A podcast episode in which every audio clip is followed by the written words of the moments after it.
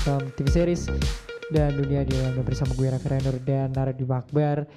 Episode 61 uh, part of back to back episode dengan episode 60 kemarin Nara dan rekan kita yang seharusnya di episode ini ya tapi dia malah bahas yang kemarin.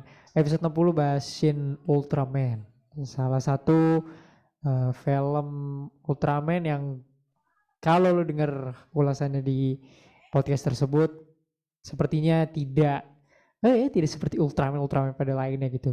Menyajikan cerita yang uh, bagus. Jadi dengerin untuk episode 60 kalau lu udah nonton Shin Ultraman. Uh, episode 61 kita akan bahas apa nar?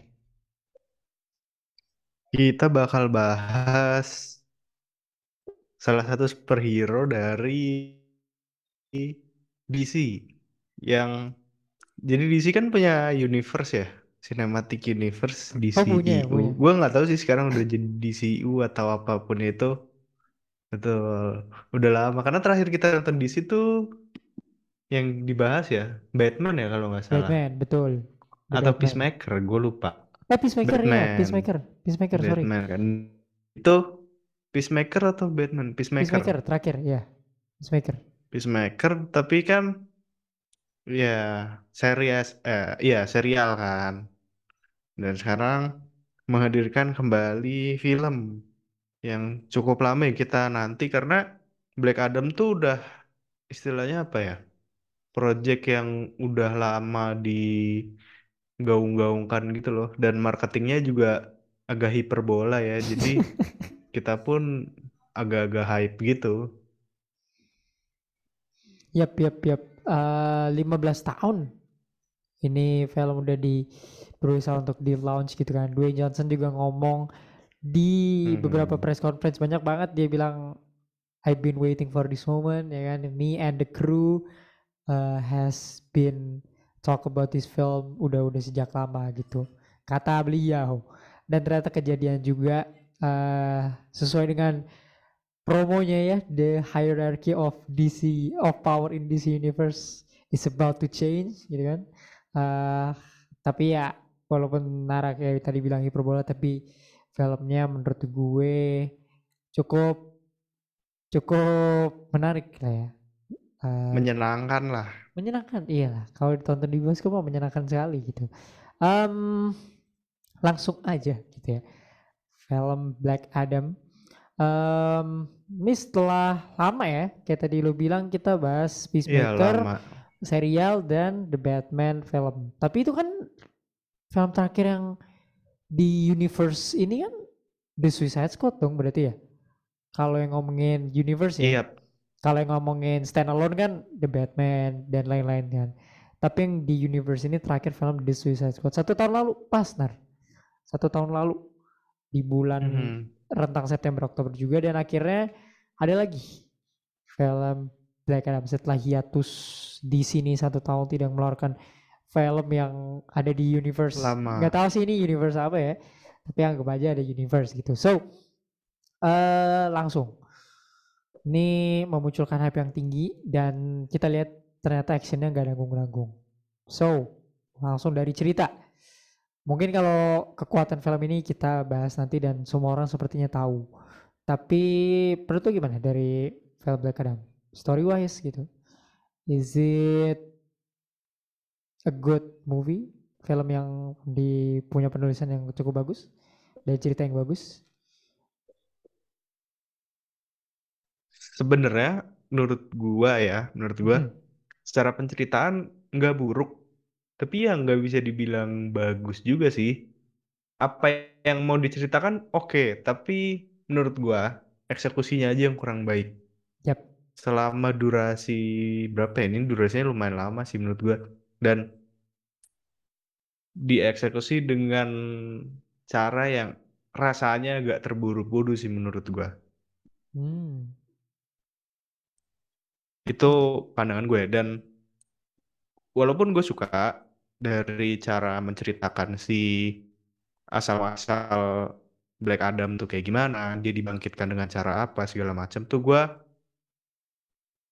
gue suka gitu dengan hal itu. Cuman gue kerasa terburu-buru gitu apa yang mau disampaikan sehingga ada banyak hal yang kita miss gitu. Contoh kalau dari segi cerita, kita tahu musuhnya ini tujuannya apa, tapi kita nggak diceritakan secara detail gitu loh. Musuhnya ini kenapa sebegitu pengennya dapat mahkota itu gitu loh. Ya.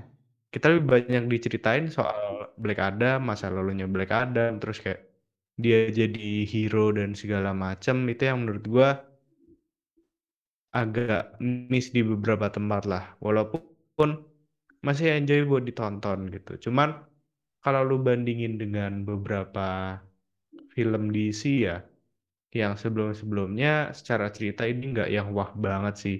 Cuma tetap menyenangkan sih untuk ditonton.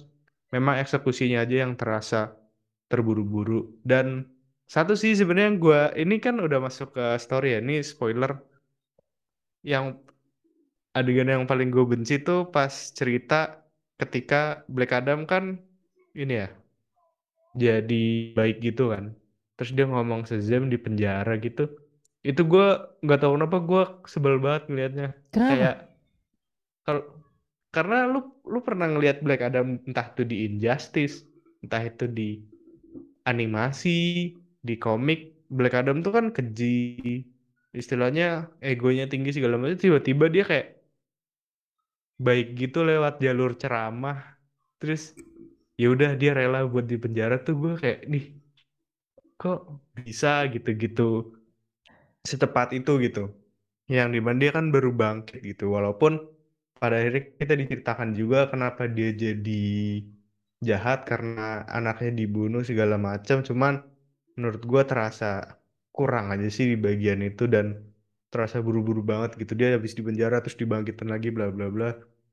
Itu kerasa cepat sekali. Gua agak kurang suka di bagian itu aja sih. Sisanya menurut gua oke sih. Masih enjoyable lah walau nggak yang wah banget.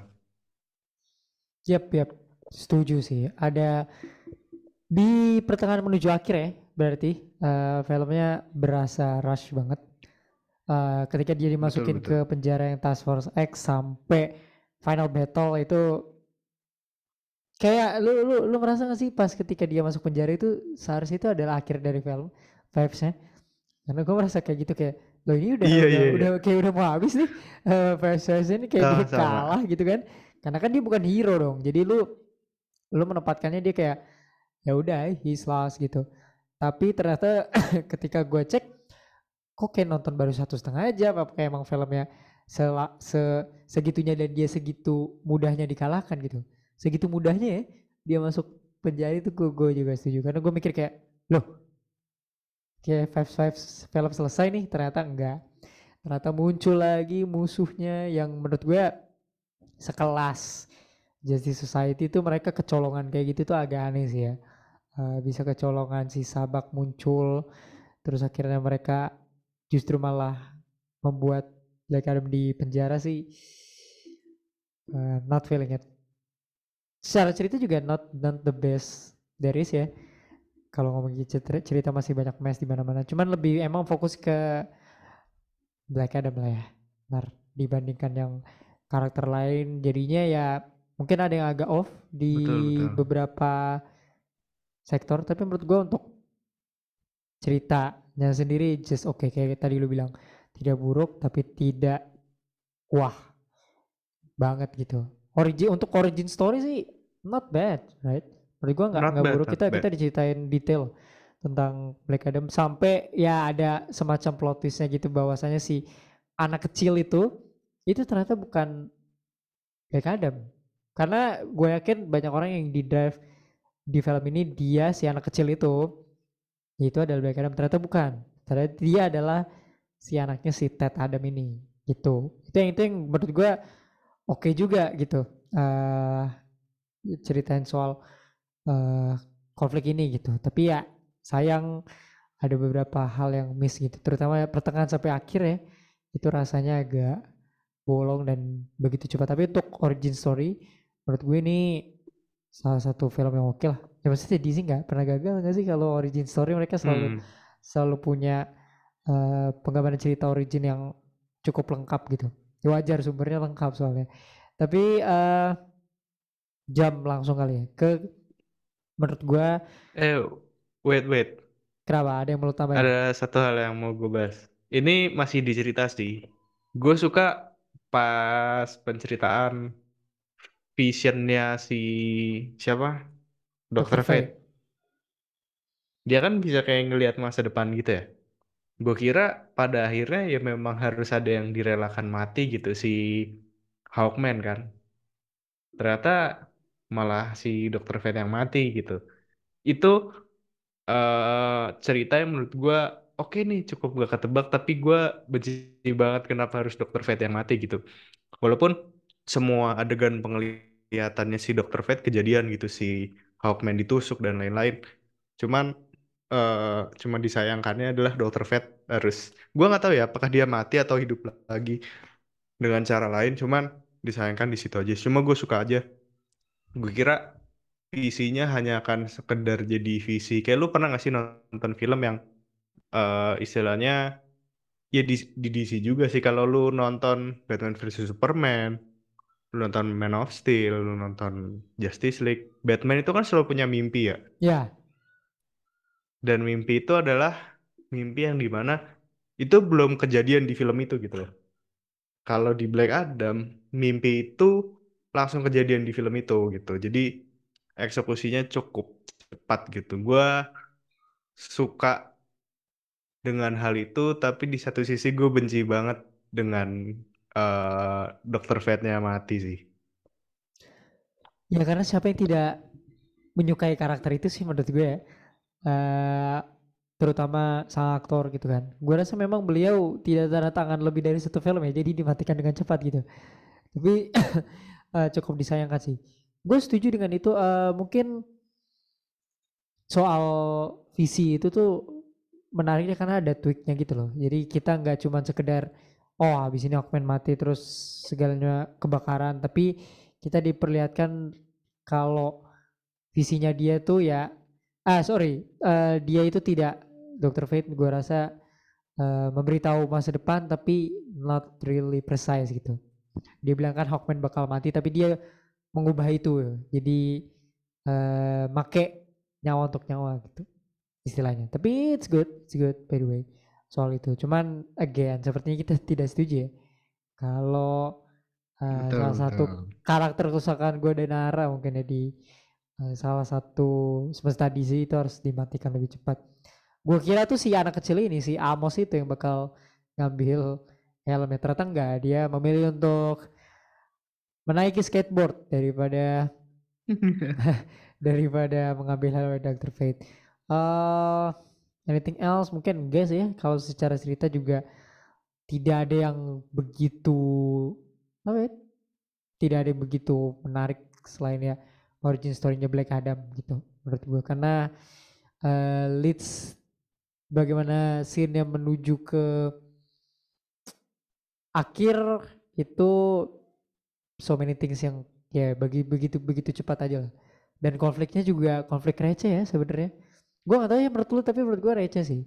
Tiba-tiba dia memperebutkan anak terus eh, ada ini ada ini gitu. Jadi eh, just way too quick dari eh, si Ya, anak diselamatkan sampai ke standaran scene sih. akhirnya ya standar aja sih dari konfliknya menurut gue karakter mungkin. Ini salah satu eh, aspek yang paling kuat menurut gue di film ini. Ada Black Adam ada Justice Society of America ada Sabak salah satu villain terburuk menurut saya di DC Universe terus ada siapa namanya Adriana ada Amos siapa menurut lo MVP dari film ini Kalau suruh milih satu, kayak nggak bisa sih. Gue karena gue suka semua anggota ini Justice Society of America gitu. Gue suka semuanya. Dan menurut gue mereka cukup perfect casting mungkin. Karena Oh, gue suka oke dari lu kan pernah nonton animasi atau lu nonton apa Smallville deh. Itu kan ada Dr. Fate juga kan atau ya baca komik. Pierce Brosnan menjadi Dr. Fate itu seperti apa yang gue bayangkan. hmm. Benar-benar seperti apa Yap, yang gue yap. bayangkan. Yang di mana cara dia berbicara, terus suaranya, kewibawaannya itu menurut gua gila. Keren banget jadinya. Terus juga Hawkman yang sengak-sengak arogan gitu. Itu gue suka, gue suka semua karakter di JSA itu. Even walaupun Black Adam-nya tidak berambut dan telinganya tidak runcing Panjang, ya. iya betul. Tapi gue tetap suka sih, tetap oke gitu tampilannya si Black Adam ini. Gue benar-benar suka sih. Selain ngomongin soal uh, karakter juga kostumnya oke sih. Kostumnya nggak ada yang gagal menurut gue. Betul betul. Apalagi Black Adam masuk kostum keduanya. Wih. Keren sih itu Hmm, menurut gue. benar-benar. Salah satu yang terkeren. Cuman uh, karakter bervariasi. Uh, gue juga setuju kalau lu tadi. Uh, Dr. Fate. Menurut gue uh, scene dia ngomong dari dalam helm tuh keren ya. Yang bener-bener kayak Iron Man gitu loh. Itu itu uh, Keren keren. That's cool, that's cool. Walaupun ada beberapa karakter yang porsinya seadanya ya. Kayak Cyclone sama Tom Smasher menurut gue Tom Smasher tuh gak ada dia juga gak masalah sih sebenarnya ya. Gak ada dia gak berpengaruh juga gitu. Hmm. Ya, dia ngapain selain menahan Black Adam di kepalan tangannya itu juga gak begitu berguna gitu. Cuman mungkin itu bisa jadi projectnya DC ke depannya sih. Walaupun dia agak joki gitu ya orangnya. Atau Smasher ini. Ngingetin kita sama kalau di Twitter saya ada yang bilang kayak Deadpool is gitu kan. Tapi kalau back to character menurut gua ya mungkin kayak tadi lu bilang JSA oke. Okay. Uh, Dwayne Johnson sekalinya nggak main jadi Dwayne Johnson bagus ya ternyata. Maksudnya dia akhirnya tidak Dwayne Johnson Iya, akhirnya benar, tidak benar. bermain uh, jadi karakter yang generik kayak di Jumanji kayak di itu kan kayak dia main jadi diri dia sendiri gak sih? Tapi kalau di sini sepertinya enggak Benar gitu. benar. Enggak enggak dia main jadi kayak orang lain gitu. Ya itu menunjukkan range actingnya lah at least ya. Biar dia enggak Benar. jadi Karena Dwayne Johnson gitu. karena sebenarnya Dwayne Johnson aktor yang cukup oke loh. Sebelum dia berperan menjadi peran yang generik, dia kan pernah jadi peri gigi kalau nggak salah. Iya iya. itu film Iya itu lucu kan? banget sih. Iya iya betul betul. Dan dan bagus gitu. Cuma sayangnya akhir-akhir ini dia kayak berperan menjadi karakter yang cukup membosankan gitu, yang itu itu lagi itu, itu lagi. Tapi di Black Adam dia bisa nunjukin bahwa oh dia oke nih untuk menjadi karakter Black Adam yang di mana Black Adam-nya tuh punya emosi juga kan. Bisa sedih, bisa merasakan kecewa, bisa menyesal, bahkan bisa arogan juga nih gue suka sih. Iya iya. Apalagi yang berhubungan dengan keluarganya ya. Itu menurut gua ya at least menunjukkan range acting dari Dwayne Johnson lah seenggaknya. Dia kayak sebelum botak bagus ya film-filmnya.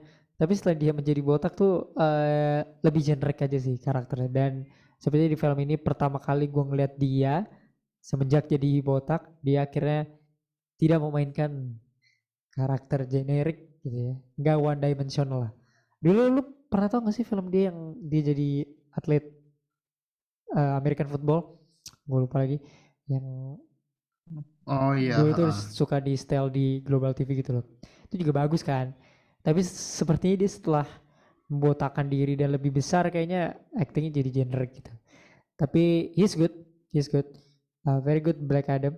Walaupun gak komik akurat ya, menurut gue gue masih gak eh, tidak feeling dia itu adalah Black Adam. Mungkin dia versi variant kalau bahasa di Marvel, variant yang bagus lah untuk Black Adam. Who else ya? Hawkman ngeselin ya ternyata. Ngeselin banget loh Iya, tapi karakter ini. di apa ya di animasi pun juga tokoh yang agak sedikit apa ya kalau nyebelin sih gua nggak tahu ya. Tapi kalau lu nonton di animasi dia tuh kayak karakter yang arogan gitu loh. Merasa gue nih jago nih. Padahal sebenarnya ya dia nggak se oke itu gitu. Tapi gue jadi suka gitu dengan karakter Hawkman di sini. Pembawaannya oke banget. Karena eh, salah satu referensi gue tentang Hawkman kan di DC ya. Dulu tuh DC serial DC-nya di CW dulu kan sempat ada Hawkman sama Hawkgirl terus mungkin karena budgetnya kemahalan jadi mereka lama-lama di makin sedikit screen time-nya dan muncul lagi di film besar menurut gue bagus sih si Hawkman di sini. Yap, yap. Menyebalkan ya, tapi gua gua tiba-tiba seneng dia di Hubble gitu ketika battle lawan Black Adam kan. Yang sayapnya diambil terus eh sayapnya ditahan dan dia bener-bener hancur-hancuran. Walaupun dia udah pakai palu saktinya itu tapi ternyata it's not enough untuk melawan Black Adam. Eh, lu suka gak sih dengan penggambaran Black Adam ditunjukin sebagai one of the strongest character in this planet gitu? Karena dia kayaknya kan digambarinnya sekuat itu gitu. Sementara yang gue ikutin dia nggak sekuat ini gitu. Hmm, So I'm not really feeling. Sampai dia dikitumin sama orang di akhir film menurut gue di semesta ini kayaknya dia kuat banget. Very strong human being. Lu suka nggak dengan pendekatan itu? Gue sih nggak begitu ya. Se- Sebenarnya agak hiperbola sih, walaupun Black Adam memang kuat banget gitu. Kalau lu pernah nonton animasi kan Black Adam buat dilawan dia harus sejam sama Superman kan, berdua, dua lawan satu gitu. Cuman eh, satu aja sih yang gua agak sebelin di mana di sini Dr. Fate jadi terlihat lebih lemah dibandingkan dengan Black Adam gitu. Itu yang Hmm, ya, gue sangat sayangkan gitu. plot armor, Dan plot armor. betul, ketika ngomong soal eh strongest bla bla bla, ketika lawan Sabak tuh dia juga nggak bisa one on one kan. Dia kayak harus dibantuin juga sama Hawkman, sama atau Smasher dan lain-lain gitu, baru dia bisa mengendalikan kekuatannya buat melawan. Ya mungkin karena masih awal-awal, tapi ya agak jatuhnya agak berlebihan aja sih kalau misalnya bilang the strongest one gitu. Yap, yap. Karena maksudnya lu nggak bisa ngebayangin Dwayne Johnson di Justice League dia jadi orang ke terkuat ke delapan kan I don't think so gitu. Tapi uh, still good the character. Uh, yang paling lu kesel dan kenapa jawabannya Amos?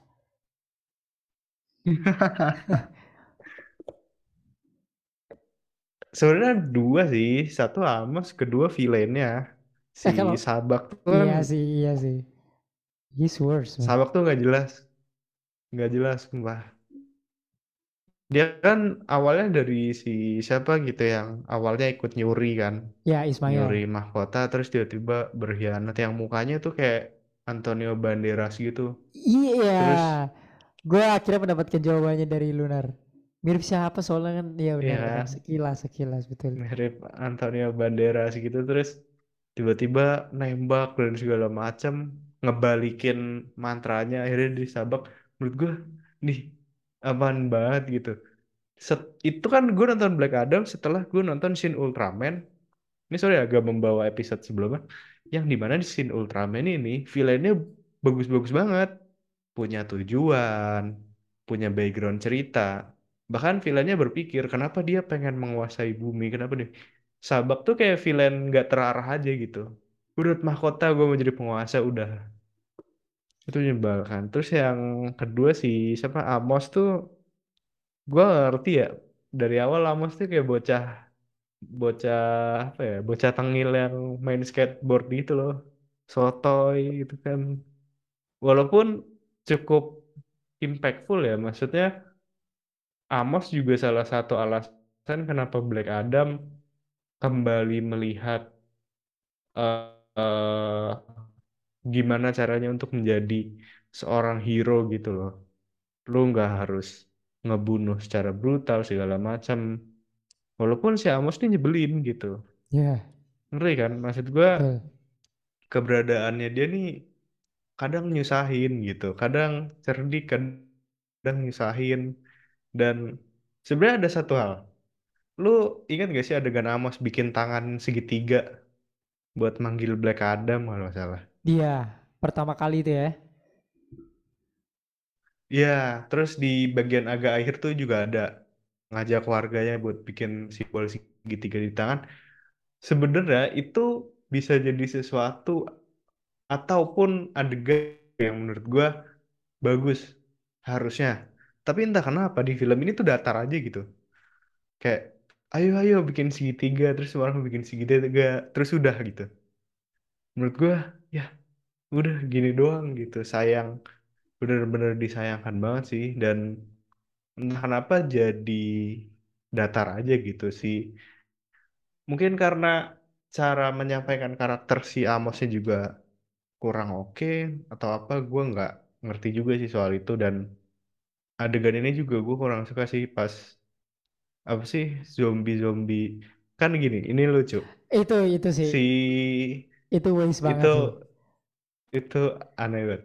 Jadi gini Sabak itu kan iblis salah satu iblis kuat banget ya. Iya, yang di mana si Sabak ini buat dihabisin tuh harus pakai JSA rame-rame sama Black Adam. Terus tiba-tiba dia membangkitkan tentara-tentara tengkorak tengkorak-tengkorak game.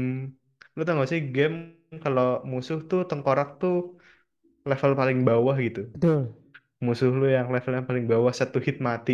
Dan ini beneran satu hit mati bro. Bayangin tengkorak yang iblis yang dimaksudkan dari tanah tengkorak yang membawa pedang dipukul pakai pipa mati gitu itu hal yang paling gue di aneh banget. Terus bawa bawa warga. Itu hal yang sangat ya kok aneh banget. Sini tuh entah kenapa malah menjadi sesuatu yang mengganggu sih di gua. Yang Betul, harusnya bisa bagus gitu. Klise. Ya. Aduh, iya benar sih. Padahal eh, tangan segitiga itu bisa jadi simbol perlawanan kayak Wakanda Forever gitu gak sih? Seharusnya ya, menurut gua. Tapi eh, jadi less memorable gitu. Gara-gara mungkin penggunaannya terlalu banyak atau nggak impactful kalau lu naruh dua tangan menyilang di dada kayak Wakanda Forever gitu. Sayang sih. Padahal itu simbol perlawanan. Kalau di Black Adam kan eh, segitiga ke atas gitu. Oke oke. Eh, soal villain sih, gue nggak namain deh, nggak gue nggak nambahin ya karena udah lu jelasin. Tapi yang pasti gue bilang itu villain terburuk kedua deh setelah WW84 kali ya. Itu ya, sabak menurut gue. itu gue nggak ngerti lagi man. Sangat tidak. Karena dia penempatannya di kayak bukan main villain kan jadinya. Dia kayak side villain dan Iya. ditaruh di alih-alih jadi final boss gitu. dia Padahal juga kayak ini nggak nggak signifikan DLC banget. gitu Iya, kayak tiba-tiba muncul gitu. Walaupun kayaknya kita ngeliat seram selama film ini justru musuhnya Black Adam tuh Hawkman gak sih? Dia lebih banyak berantem sama Hawkman gitu kan. Lebih banyak konflik cekcok sama Hawkman. Tapi tiba-tiba si DC Mephisto ini muncul out of nowhere eh kebakar kandak yang sebenarnya nggak ngebakar ngebakar juga ya dia cuma muncul-muncul aja gitu cuman kan dia kayaknya katanya kalau dia ngebakar dunia kalau duduk di throne itu kan. Dan itu juga harus butuh bantuan. Sebenarnya dia kuat. Di film ini tuh dia di di digambarkan kuat gitu kan. Sampai Black Adam hampir babak belur. Tapi kenapa gitu dia muncul di sini kan kita nggak gitu ya. si Ismail juga menurut gua kehadiran dia tuh sebenarnya pengen jadi ini nah kayak plot twist gitu loh tiba-tiba eh teman aku ternyata musuh gitu. Tapi nggak nggak sesuai dengan apa yang kita kira gitu. Dari awal penempatnya juga aneh si Ismail ini. Ketahuan dia Aneh. akan jadi si antagonis tapi tidak begitu antagonis gitu. Mungkin mau ditempatin kayak Baron Zemo gitu modelnya yang karakter musuh tapi tidak kelihatan musuh gitu. Tapi enggak banget. Itu sih. Eh, karakternya menurut gue hal yang paling menarik di film ini. Termasuk ini yang lebih menarik daripada karakternya action scene Yeay. ini ketolong ketolong film ketolong action Keren. scene ini ini keren lah keren lebih keren daripada film superhero terakhir yang kita bahas Thor Love and Thunder nggak bercanda eh Wah. film ini sama-sama listrik padahal Iya sama-sama listrik ya. Tapi kenapa? Padahal ada Black Adam suruh dibikin su- disuruh bikin catchphrase juga. Kayaknya film sama ya. Eh, superhero nya disuruh bikin slogan gitu. Aneh. Gue melihat kayak loh, kok Black Adam disuruh bikin slogan juga udah kayak Lady Thor aja. Eh menurut gue eh action scene-nya oke.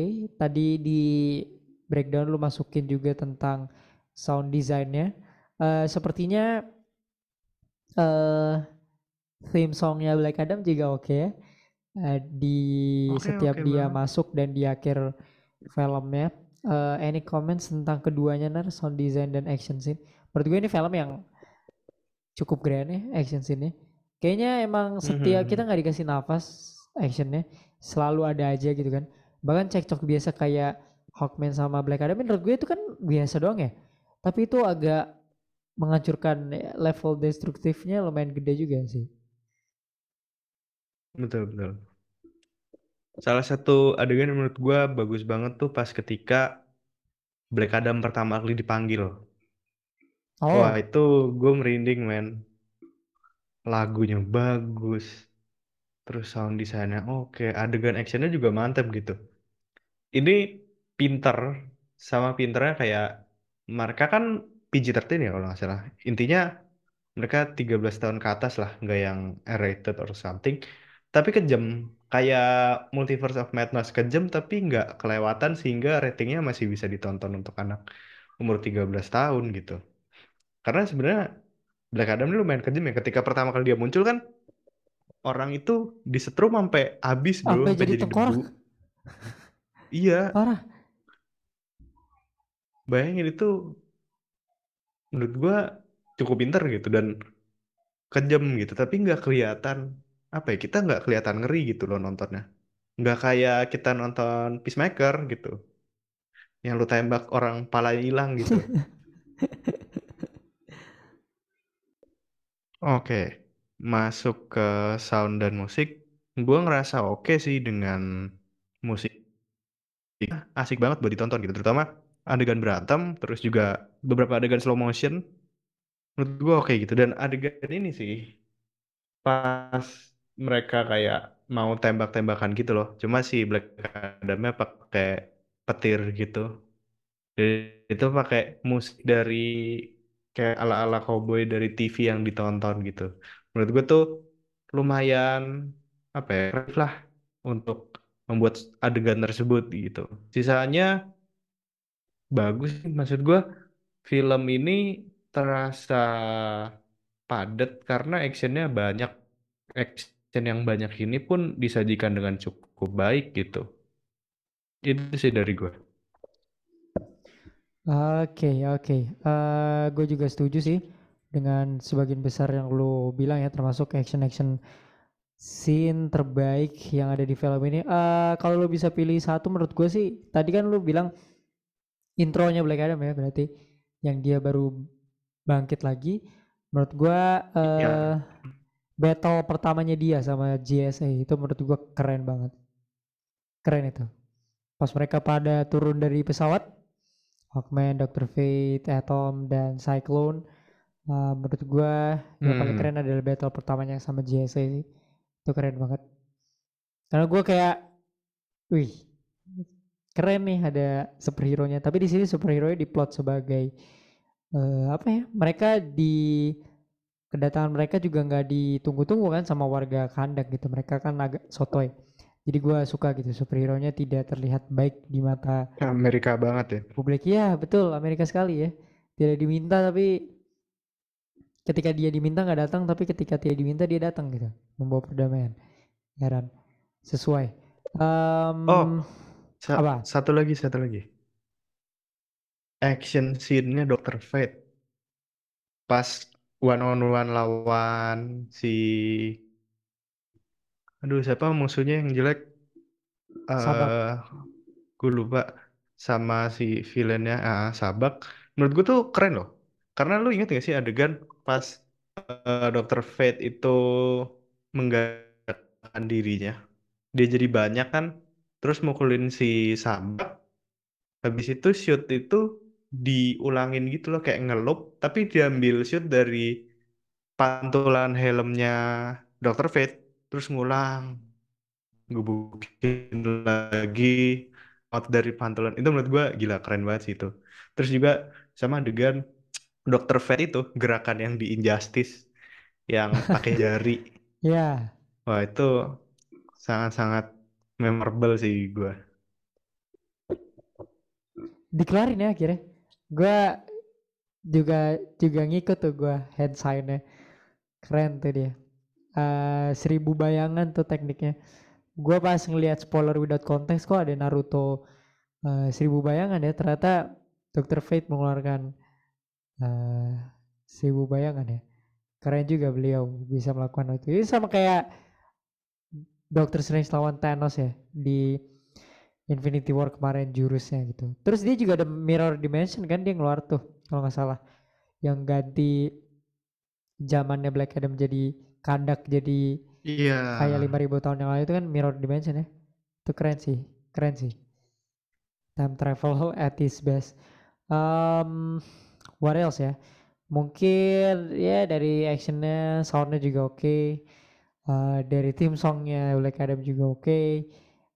Yang pasti kita berdua sepakat kalau action scene-nya itu udah salah satu aspek yang nge-carry film inilah. Tidak ada yang mengecewakan walau ada CJ yang ini ya, kelihatan agak tidak ya over all over the place gitu.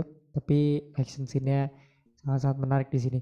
Uh, we go to conclusion. Menurut lo ke depannya akan seperti apa ini film yang uh, ya yeah, bringing DC into the positive way apa enggak?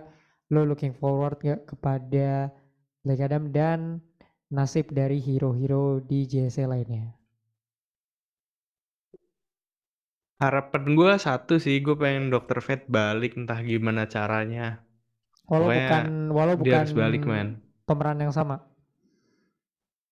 Pemeran yang sama sih kalau bisa. Nggak tahu gue udah, gue udah suka aja sama Pierce Brosnan jadi Dokter Fate gitu.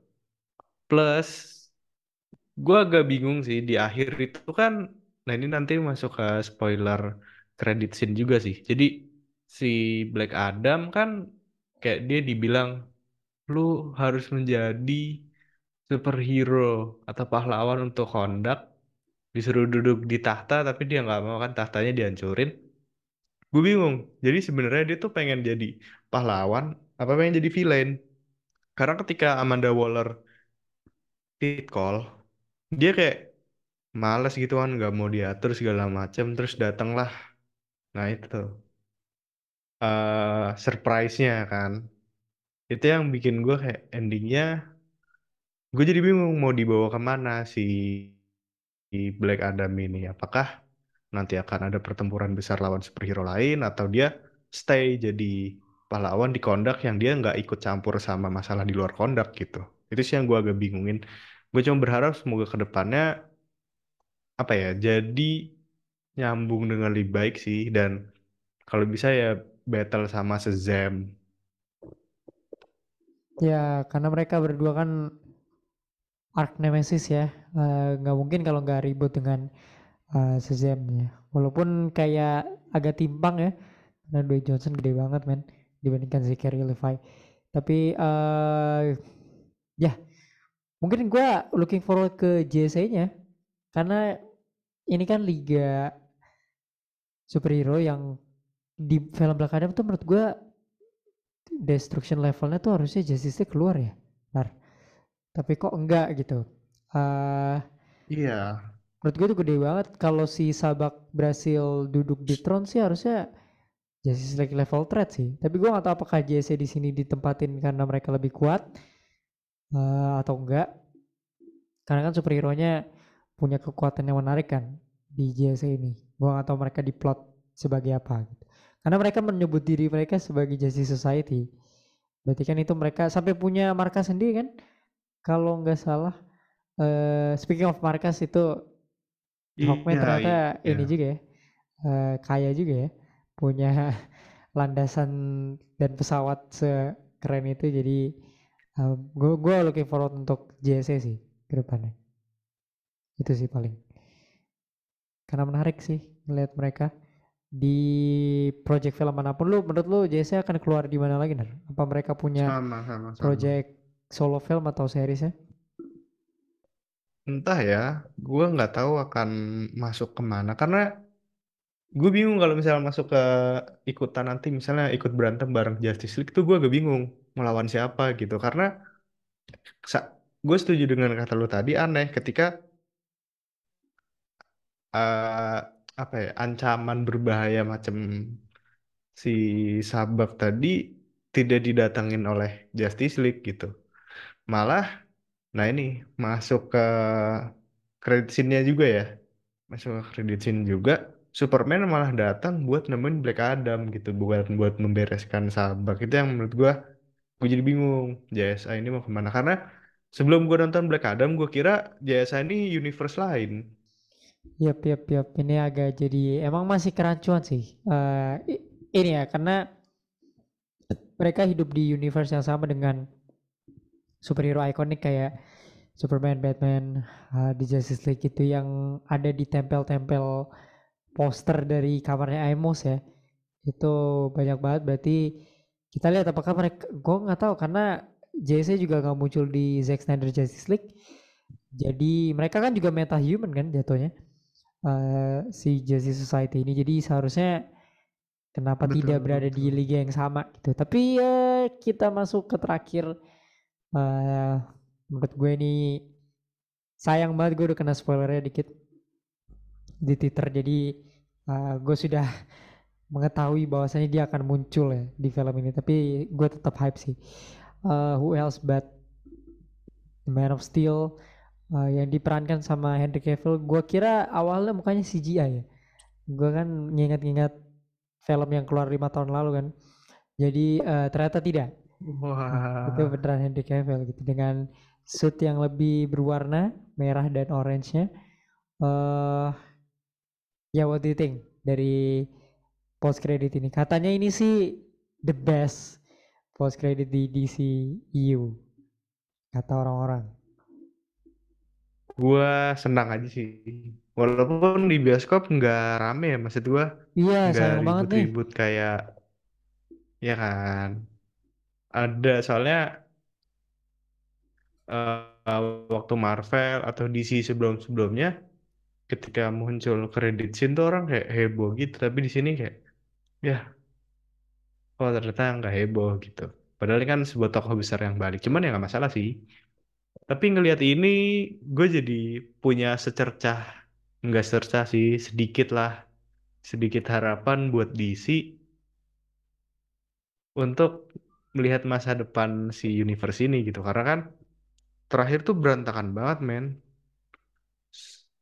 Kayak The Suicide Squad muncul pun kita masih terombang-ambing gitu. Apakah Henry Cavill akan balik? Apakah Ben Affleck akan balik? Ternyata di sini kita jadi tahu gitu bahwa fix kemungkinan besar Henry Cavill akan balik gitu. Setelah Warner Bros mengalami pergantian pejabat ya. Dan gue senang sih, gue senang sih. Gue harap ke depannya akan lebih baik lagi walaupun salah satu harapan terbesar gue adalah terjadinya flashpoint sih di film The Flash. Yap, yap, yap. Eh secerca harapan tuh kayaknya udah dari kemarin ya ngomong kayak gitu tapi eh, gitu-gitu mulu banget ya. Seenggaknya one of the most iconic karakter yang mereka punya tuh tetap dimainkan sama orang yang sama. Karena Superman versi ini juga udah muncul kan di Peacemaker kemarin. Tapi mukanya kagak ada. Di Shazam juga udah Nah. muncul. Mukanya juga kagak ada gitu. Dan akhirnya sekarang mukanya ada. Dan kebetulan itu Henry Cavill. Nah, nanti kita juga bahas ya eh, di The Weekly tentang ini. Tapi seenggaknya The Snyder First Band sepertinya kembali gitu. Sepertinya karena Henry Cavill sampai bikin video yang dia bikin sebelum film Black Adam rilis. Karena kenapa? Dia bilang gue menunggu untuk rilis video ini weekend setelah Black Adam udah set. Kita cukup apa ya? Seneng lah dengan kembalinya Doi sebagai mantan Superman gitu. Sepertinya bakal ada beberapa film lagi dia akan menjadi ini. Karena dia konfrontasi Semoga ya. Black Adam kan di post credit Iya, ini. Apakah ada iya. akan ada battle royale di film Man of Steel 2 atau Shazam Fury of Gods? Kita tidak tahu. Tapi mudah-mudahan yang terbaik lah untuk di sini last Nar, sebelum ditutup. Mhm. Eh, ya semoga DC ke depannya makin baik lagi. Mungkin apa ya? Setelah kemarin kan beberapa project DC ke depan tuh diundur parah banget ya, Ya, diundur jauh.